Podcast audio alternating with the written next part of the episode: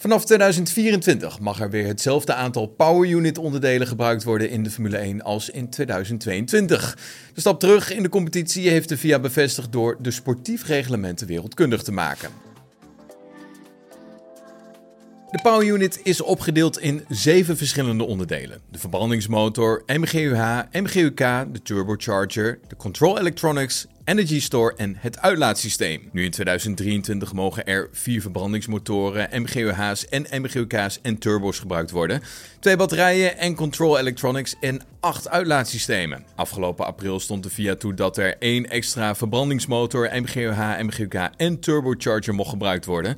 De Autosportbond wilde namelijk voorkomen dat er veel gridstraffen zouden worden uitgedeeld. Ja, de sportieve reglementen zien we dat dit voor volgend jaar, 2024, weer wordt teruggedraaid. Dat betekent dus dat er van de verbrandingsmotor, MGUH, MGUK en de turbo ieder weer drie in plaats van vier gebruikt mogen worden voor volgend seizoen. Team van Haas heeft voor Oliver Berman gekozen om in te zetten tijdens twee verschillende vrije trainingen, tijdens Mexico en Abu Dhabi.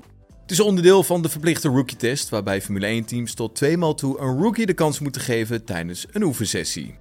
Ja, en aan de vooravond van het Grand Prix weekend in Qatar bleek Red Bull-adviseur Helmut Marko vooruit op de derde wereldtitel die Max Verstappen eigenlijk niet meer kan ontlopen.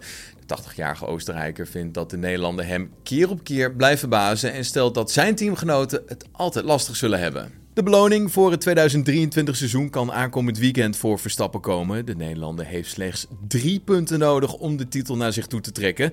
De laatste keer dat de sport in Qatar was, was in 2021. Ik denk dat het belangrijkste ten opzichte van de race van twee jaar geleden is dat de temperaturen daar dit jaar zo ongelooflijk hoog zijn.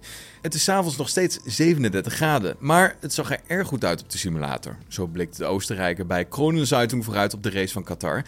En volgens Marco wil Verstappen direct de koe bij de horens vatten en de titel al op de zaterdag tijdens de sprintrace veiligstellen. Hij wil duidelijk de beslissing op zaterdag en de kansen zijn erg goed. Vooral omdat de zesde plaats genoeg is als Sergio Perez wint.